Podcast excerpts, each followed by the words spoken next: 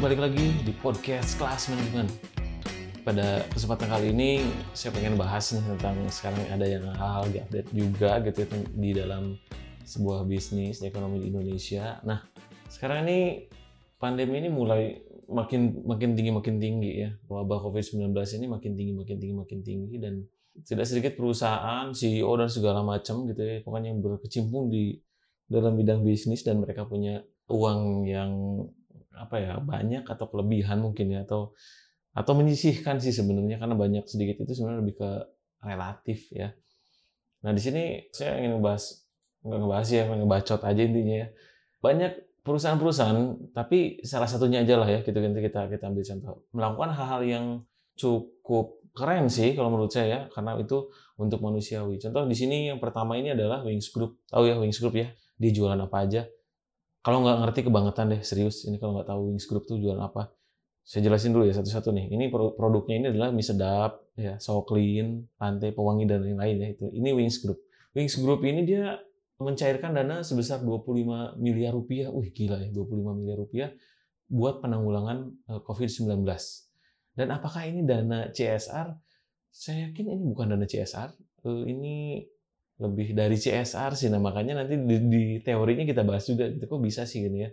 Ini pada tanggal 3 April ya, dikutip dari Kontan ya, koran Kontan nih. Koran Kontan teman-teman boleh cari juga nanti kalau takutnya saya bohong gitu ya. Itu ada di koran Kontan. 25 miliar ini buat apa aja sih gitu. Ini 25 miliar itu buat APD alat pelindung diri yang kalau buat kalau yang kalian profesinya di bidang kesehatan atau kalian mahasiswa kesehatan pasti tahu lah ya ini apa yang baju-baju kayak apa ya kayak bukan jas hujan sih kalau jas hujan beda sih tapi mirip-mirip kayak gitulah. Dan alat bantu pernapasan atau ventilator ya yang suka ditempelin di hidung terus yang nah itu ya. Itu 20 miliar buat itu. Karena kenapa? Pada saat sekarang di Indonesia rumah sakit udah overload ya udah overload. Kekurangan ruangan iya kekurangan tenaga medis iya gitu ya. Kekurangan alat-alat juga iya gitu. Nah ini salah satu yang di yang dilakukan oleh Wings Group ya. Itu yang pertama. Lalu yang kedua ini ada dari Johnson Johnson ini juga sama ini perusahaan luar ya, luar negeri Amerika ya. Ini dia mau bikin vaksin. Vaksin untuk COVID-19 ini apa sih? Karena kan mereka bidangnya bidang farmasi, tapi lebih ke kosmetik sih kalau mereka ya. Nah, dia tuh jadi bikin vaksin kira-kira apa sih yang harus saya buat gitu ya. Tuh, lalu selanjutnya ada lagi perusahaan dari Jerman yang teman-teman mungkin udah nggak aneh gitu ya dari Beiersdorf PT Beiersdorf Indonesia. Kalau bingung apa sih Pak Beiersdorf Indonesia produknya apa? Itu Nivea ya, hand body lotion.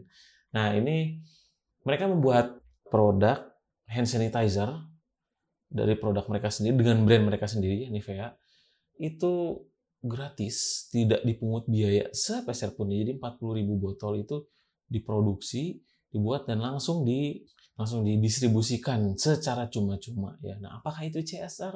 Kalau CSR biasanya sudah ada rencananya dulu, kita mau ngapain?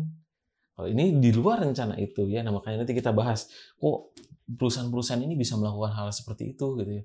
Lalu ada lagi kemarin berita dari salah satu perusahaan startup dari Amerika yang suka main Twitter tahu ya. CEO-nya ini atau foundernya si Jack Dorsey ini juga sama ya. Dia juga karena Amerika ini sekarang udah jadi yang tertinggi gitu ya kasusnya dia juga sama. Dari hasil yang dia dapatkan dari Twitter itu dia sumbangkan. Saya lupa berapa jumlahnya gitu ya. Lalu setelah itu ada lagi startup lagi TikTok yang kalian suka pakai atau yang kalian benci gitu ya. Kalau ada yang benci sama TikTokers gitu itu itu juga sama. Mereka menggelontorkan dana secara cuma-cuma, tidak tidak tidak ada kampanye, campaign atau tidak ada branding sedikit pun itu nggak ada.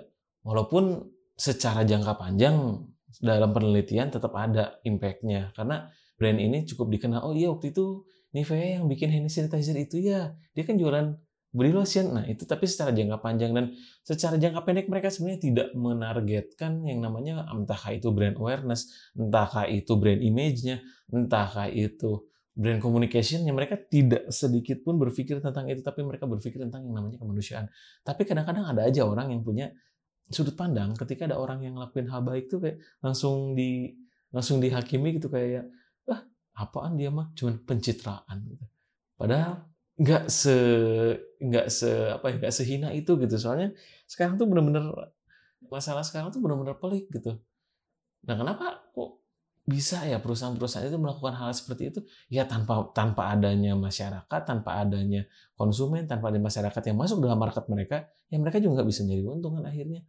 Ya daripada kayak gitu, mending gimana cara mempertahankan manusia itu sendiri gitu.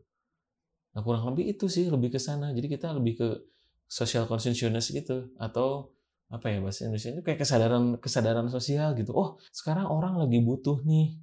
Oh iya sekarang lagi ada penyakit nih dan hand sanitizer ini di ditimbun sama penimbun-penimbun bangsat itu gitu ya. Ya udahlah gimana nih caranya kita bikin ya bikin produk kayak gini juga kan dalam nggak bisa dalam waktu yang cuma dua jam langsung jadi kan. Ini harus dibuat dulu. Ini juga sama ya memerlukan waktu kurang lebih berapa bulan ya Nivea ini cukup lama lah ya, cukup lama untuk membuat uh, produk hand sanitizer ini.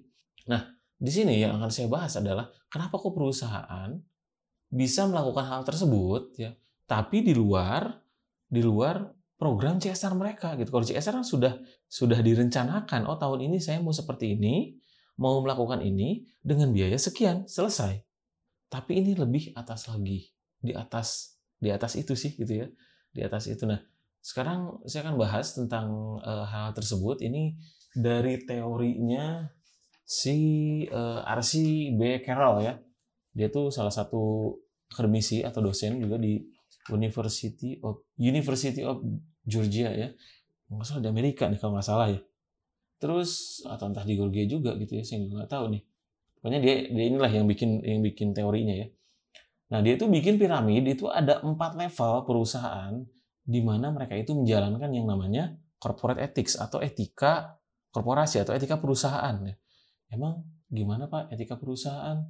Emang serumit itu ya enggak sih gampang sebenarnya. Ya. Nah, eh, saya akan bahas ini ada empat level ya, ada empat level perusahaan itu eh, masuk di kategori etika yang yang di mana sih gitu. Ya. Kalau misalnya teman-teman punya perusahaan nih ya. Yang pertama itu adalah economic responsibilities. Nah, kalau di sini kewajibannya itu adalah bagaimana perusahaan itu mendapatkan profit.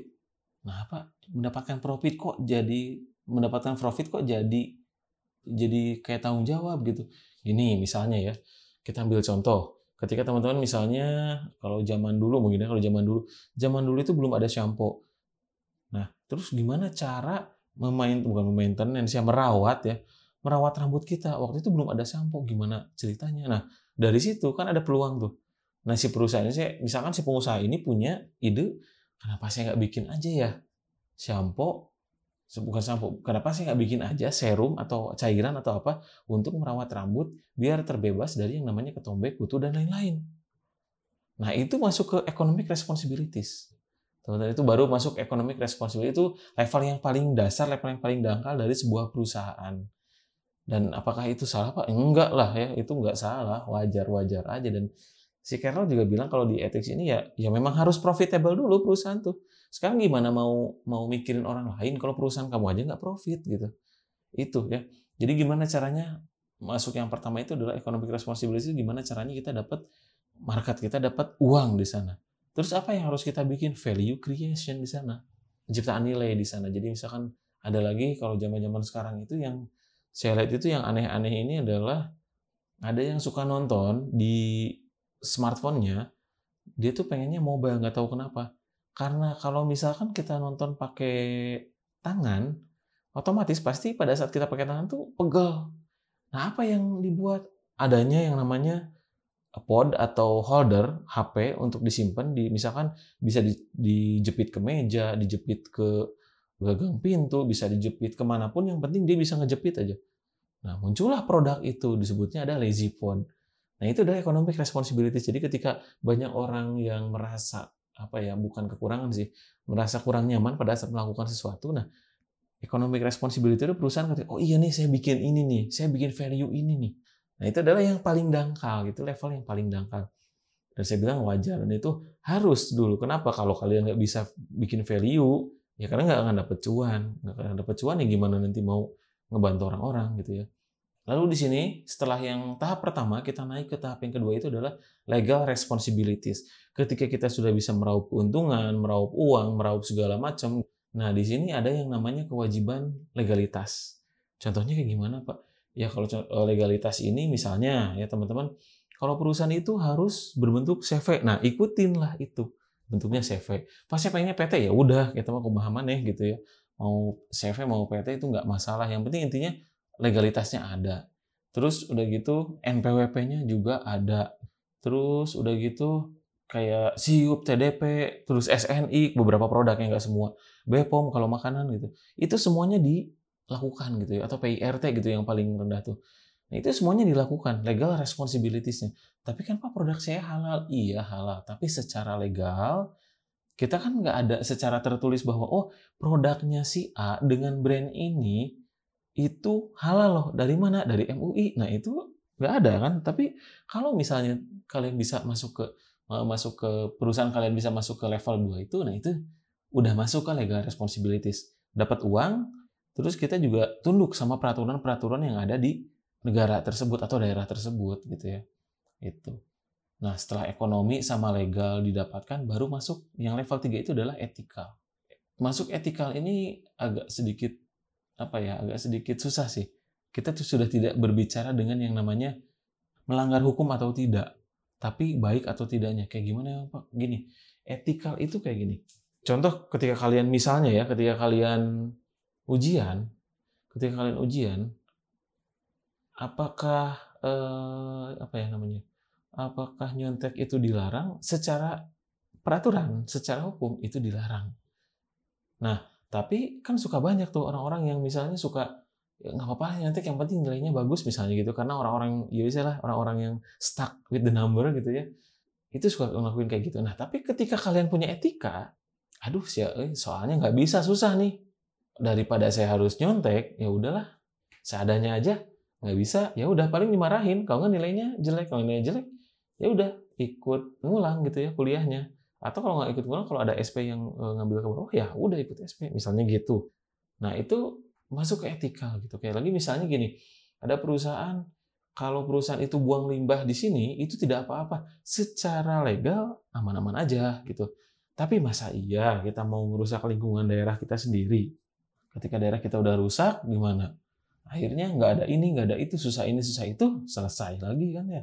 Nah itulah yang masuk ke ethical responsibilities. Jadi levelnya udah udah bukan berbicara ekonomik lagi ya, udah bukan berbicara tentang legal lagi. Mereka ekonomik udah dapat, value creation udah dapat. Lalu yang kedua legal responsibilities udah dapat tadi bayar pajak, udah punya misalkan punya izin-izin udah, punya standarnya udah, punya A B C D A I U E O udah semua. Nah, masuk ke ethical itu udah berbeda ya. Kayak contoh misalnya lagi ketika kita punya perusahaan misalnya teman-teman bikin convenience store gitu ya dengan brand sendiri karena pusing gitu dengan brand-brand yang udah ada tuh saking mereka kuatnya susah gitu dikalahin. Kalian bikin brand sendiri bikin konsep sendiri. Dan setelah itu kalian pada saat membuat itu tapi kalian tidak menghancurkan warung-warung kecil justru kalian dapat pasokan barang itu dari warung-warung kecil misalnya seperti itu. Tapi kayaknya nggak mungkin retailer ngambil retailer gitu ya. Harganya berapa dan dan dapat cuannya berapa gitu. Walaupun memungkinkan memungkinkan aja sih bisa aja. Hanya berapa nih cuannya gitu ya antara retailer sama retailer gitu. Nah itu masuk ke sana gitu ya, itu etikal tuh. Kita tidak melanggar hukum, tapi bener nggak sih gitu, adil nggak sih ini kalau mereka dapat, terus ini cocok nggak sih dilakukan seperti itu, jadi bukan masa melanggar aturan atau tidak lagi. Nah setelah itu, setelah kalau perusahaan sudah sampai di ethical responsibilities itu dan melaksanakan CSR-nya setiap tahun gitu ya atau setiap periode lah intinya setiap tahunan lah anual biasanya sih. Nah, di atasnya lagi ada yang namanya corporate philanthropic responsibilities. Nah, ini jadi ke filantropi. Kalau filantropi udah nggak mikir udah nggak mikir apa-apa lagi. Kalau kalau etika masih berpikir uh, image ya. CSR itu mungkin masih berpikir tentang image. Gimana ya kalau kita bikin ini image-nya? Gimana ya kalau bikin itu image-nya. Nah, kalau filantropi itu udah nggak termasuk lagi ke sana gitu ya. Filantropi itu nggak nggak nggak masuk lagi ke itu. Itu udah lebih udah lebih apa udah lebih dewa sih menurut saya gitu ya. Level di mana perusahaan kalau udah sudah masuk filantropi itu udah keren banget gila ya. Contohnya kayak apa yang tadi saya jelaskan di awal ya yang tadi saya jelaskan di awal itu kayak Nivea terus Wings Group gitu ya terus TikTok terus Twitter itu pokoknya banyak banget lah ya bukan hanya mereka ada beberapa perusahaan farmasi pun sama KHB Pharma juga iya, Kimia Pharma juga iya melakukan hal ini itu udah masuk ke filantropi gitu. Dan e, menurut saya itu itu keren banget.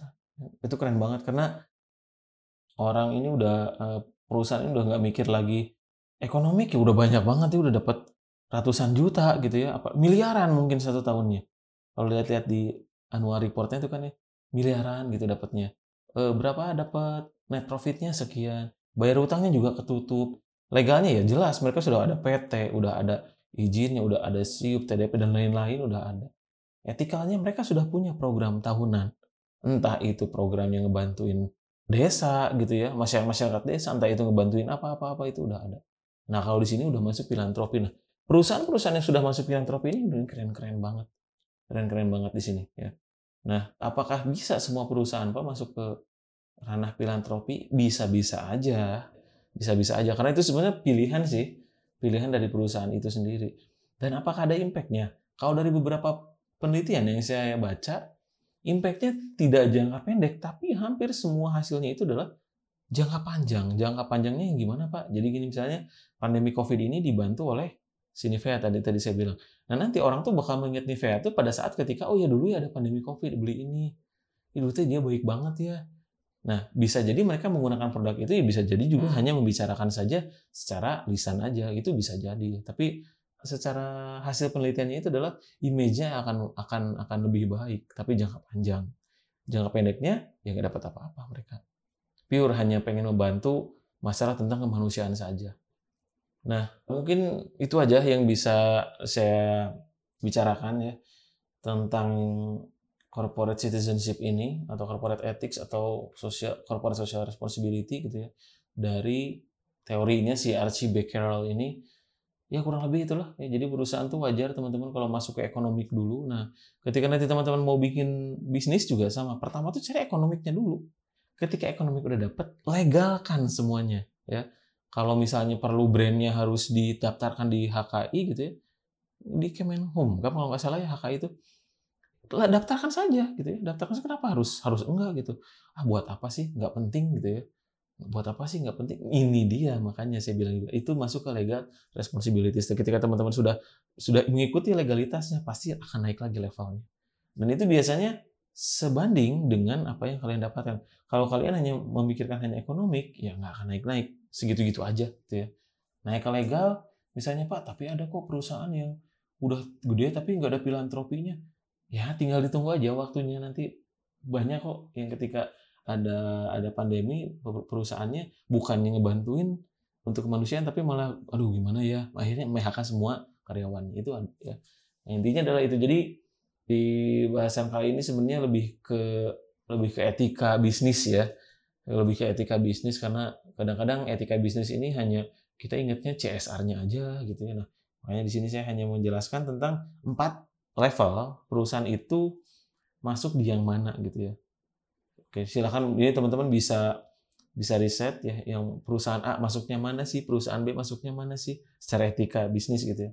Oh, si ini nih masuknya ke filantropi, oh si ini masuknya masih etika. Itu kita bisa melihat hal seperti itu. Tapi rata-rata kalau perusahaan-perusahaan yang sudah besar sudah masuk di level etikal. Kalau UMKM UMKM biasanya masih di ekonomik atau di legal, mereka masih kesulitan di sana. Jadi ya wajar kalau level-level itu kadang-kadang biasanya mereka struggle gitu ketika ada pandemi seperti ini ya. Oke, mungkin itu aja yang saya bahas gitu ya. Setelah itu nanti kita akan bahas lagi tentang yang namanya apa lagi ya? Mungkin masih sama di pandemi Covid ini ya karena kemarin saya lihat ada ada curhatan dari sobat saya tentang perusahaan dia tuh gimana gitu ya pada saat ini. Nah, nanti kita akan bahas juga. Saya juga banyak menanyakan eh, hal-hal itu. Kenapa kok bisa terjadi ini? Kenapa bisa terjadi seperti ini? Oh, ini kenapa ini? Kenapa ini? Dari sudut pandang uh, mereka. Nanti kita bahas di podcast selanjutnya. Gitu aja mungkin hari ini. Kita ketemu lagi di lain kesempatan. Ciao.